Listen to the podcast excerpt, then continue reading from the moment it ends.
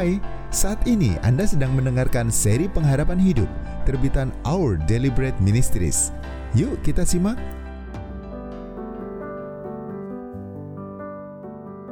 Aku takut di PHK. Peter sama sekali tidak menyangka akan kena PHK. Ketika ia duduk di depan komputernya dan tidak bisa mengakses sistem kantornya, ia berkata kepada rekannya, "Mungkin sistemnya mati lagi." Namun rekannya bisa masuk ke sistem kantor tanpa masalah apa pun. Akan tetapi, setengah dari rekan-rekan kerja Peter lainnya menemui masalah yang sama. Pengawas mereka pergi mengecek penyebab masalah tersebut. Ia kembali dengan berita yang mengejutkan. Setengah dari departemen mereka baru saja terkena PHK. Peter pulang dengan linglung. "Apa yang harus kulakukan?" katanya kepada istrinya. Ia satu-satunya pemberi nafkah di keluarganya, dan mereka memiliki dua orang anak yang masih kecil. Sanjaya sedikit lebih siap. Tempat kerjanya, sebuah perusahaan perekrutan, sudah lama menginginkan tim yang lebih muda dan memberi sinyal bahwa mereka akan melepaskan pekerja-pekerja yang lebih tua seperti dirinya. Selama berbulan-bulan, Sanjaya sudah mempersiapkan diri untuk berita buruk yang akan datang. Namun ketika bosnya datang dan mengatakan, "Maaf, posisimu tidak masuk dalam struktur yang baru." Hati Sanjaya tetap hancur.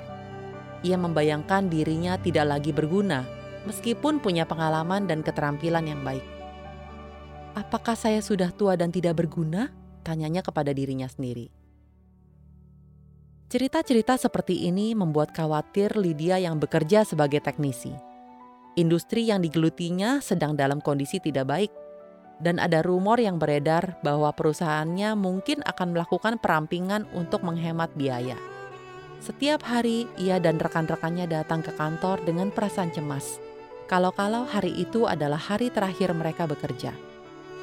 Ia juga khawatir karena akan sulit baginya mencari pekerjaan baru akibat keterampilannya yang terbatas. Namun, teman-temannya tidak merasa hal itu sebagai suatu masalah Cari saja pekerjaan baru, kata mereka. Mengapa mereka tidak mengerti kecemasannya? Pemutusan hubungan kerja, ketakutan yang nyata. Jika cerita-cerita tadi mirip dengan pengalaman Anda, Anda tidak sendirian. Dengan ketidakstabilan dan ketidakpastian dalam ekonomi dan lingkungan kerja saat ini, banyak dari kita yang menghadapi ancaman kehilangan pekerjaan tidak peduli apakah kita memiliki keterampilan yang mumpuni atau mendapat gaji yang kecil, bekerja di perusahaan kecil atau besar, kita semua punya ketakutan yang sama. Diberitahu suatu hari bahwa kita tidak dibutuhkan lagi. PHK bisa membuat kita khawatir akan kondisi finansial kita, karena hal itu mempengaruhi kemampuan kita untuk mengurus diri sendiri dan keluarga kita. Tidak seperti orang-orang yang keluar untuk mencari pekerjaan baru, kita tidak punya kesempatan untuk mencari pekerjaan sebelum PHK ini terjadi. Atau lebih buruk lagi, kita mungkin tidak akan mendapat pekerjaan baru untuk waktu yang cukup lama. Jika Anda merasa terbebani oleh kekhawatiran dan ketakutan, yakinlah bahwa itu adalah respons yang normal terhadap masalah yang sangat nyata. Banyak orang merasakan hal yang sama, Anda tidak sendirian. Terkadang masalahnya lebih dari soal uang. PHK bisa membuat kita merasa bahwa kita telah melakukan suatu kesalahan atau tidak sebaik orang lain. Kita mungkin bertanya-tanya apakah kita akan menjadi yang pertama di PHK karena kita kurang mampu, terampil, berguna, atau hanya karena lebih tua dibandingkan pekerja yang lain. Bahkan kita mungkin merasa iri terhadap mereka yang memiliki pekerjaan yang aman. PHK bisa sangat berpengaruh pada harga diri kita.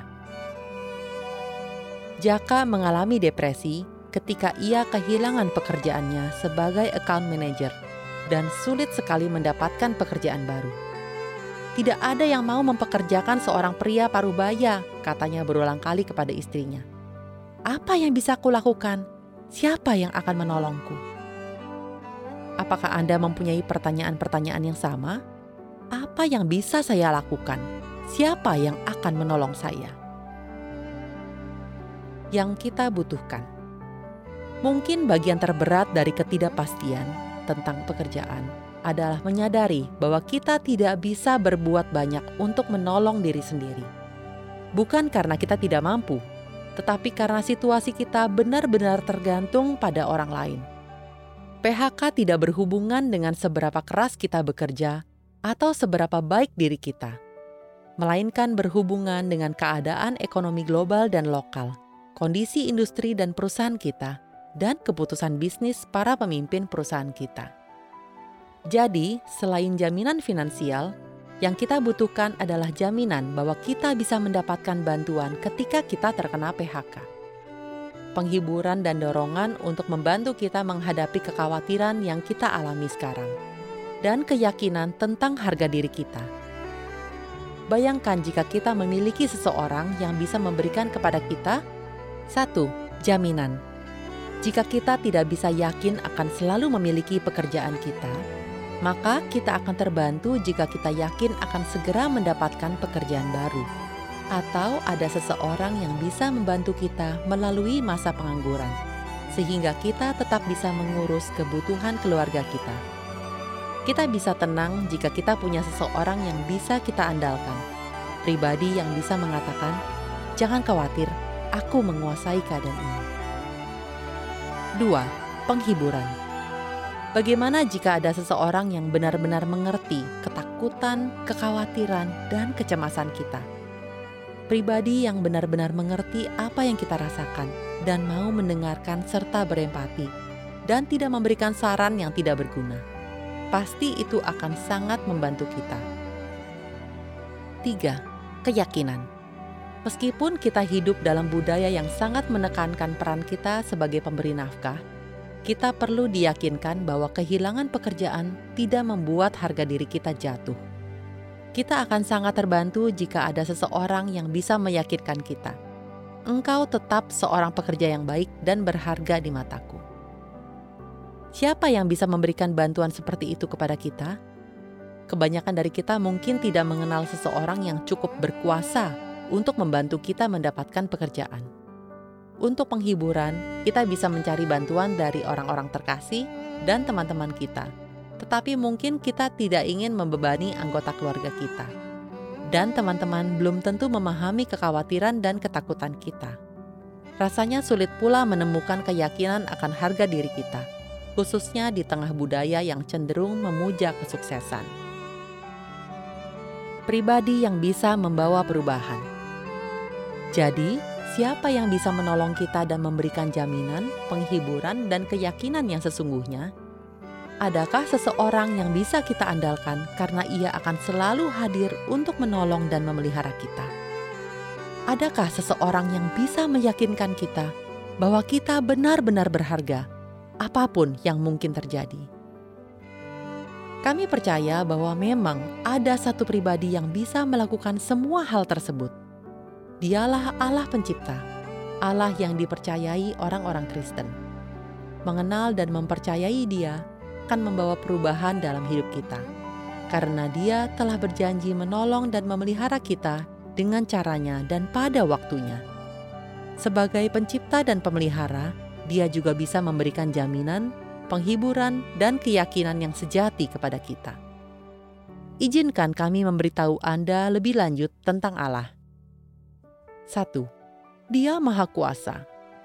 Allah yang menciptakan dunia dan segala isinya itu adalah Allah yang Maha Kuasa dan Maha Tahu. Dia mengendalikan segala sesuatu di atas dunia. Dia juga Allah yang baik. Dia bijaksana, adil, dan jujur, dan tidak pernah berbuat salah. Dia juga kekal, artinya Dia ada untuk selama-lamanya. Jadi, Allah selalu dapat diandalkan. Yang kedua, dia mengasihi kita. Karena Allah mengasihi setiap dari kita sebagai anak-anaknya, dia sangat peduli kepada hidup kita.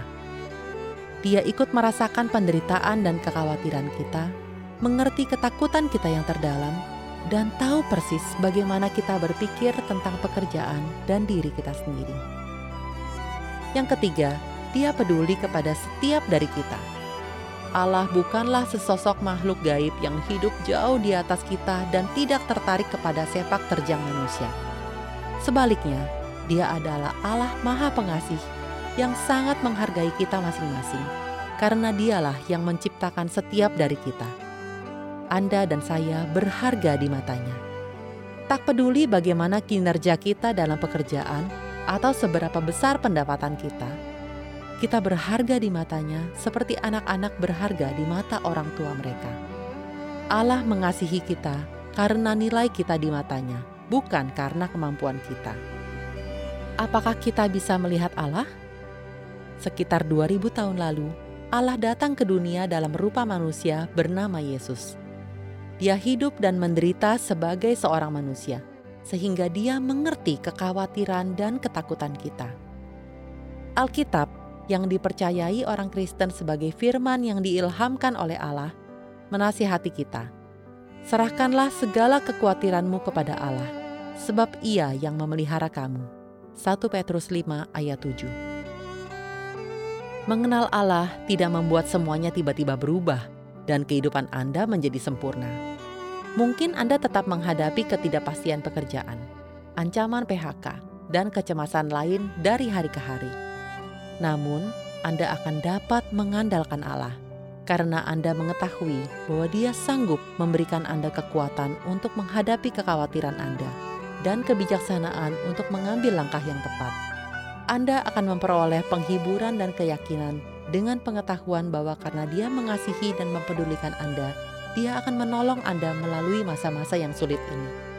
Anda pun akan dapat melalui perjalanan yang sulit tersebut dengan pengetahuan bahwa Anda tidak sendirian dan bahwa Anda sangat dikasihi dan dihargai, apa pun yang mungkin terjadi dalam pekerjaan dan kehidupan Anda. Kami mendorong Anda berbicara dengan seorang teman Kristen atau menghubungi gereja terdekat yang dapat membantu Anda untuk lebih jauh mengenal Yesus dan perubahan yang diberikannya. Bacalah Alkitab untuk menemukan bagaimana Sang Pencipta kehidupan dapat memberikan kepuasan abadi kepada Anda. Terima kasih ya karena Anda sudah mendengarkan seri pengharapan hidup ini. Untuk mendapatkan materi-materi dengan judul-judul lainnya secara online, silakan kunjungi website santapanrohani.org garis miring SPH. Tuhan memberkati.